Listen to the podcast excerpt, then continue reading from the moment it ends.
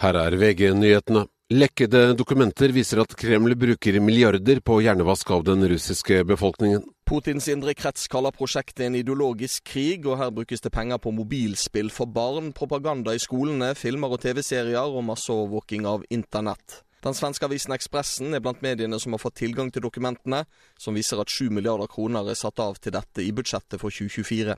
Reporter var Thomas Alsaker.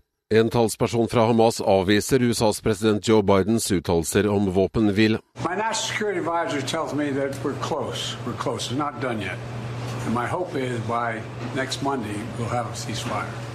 Dette er forhastet og stemmer ikke overens med situasjonen på bakken, sier Hamas-talsmannen.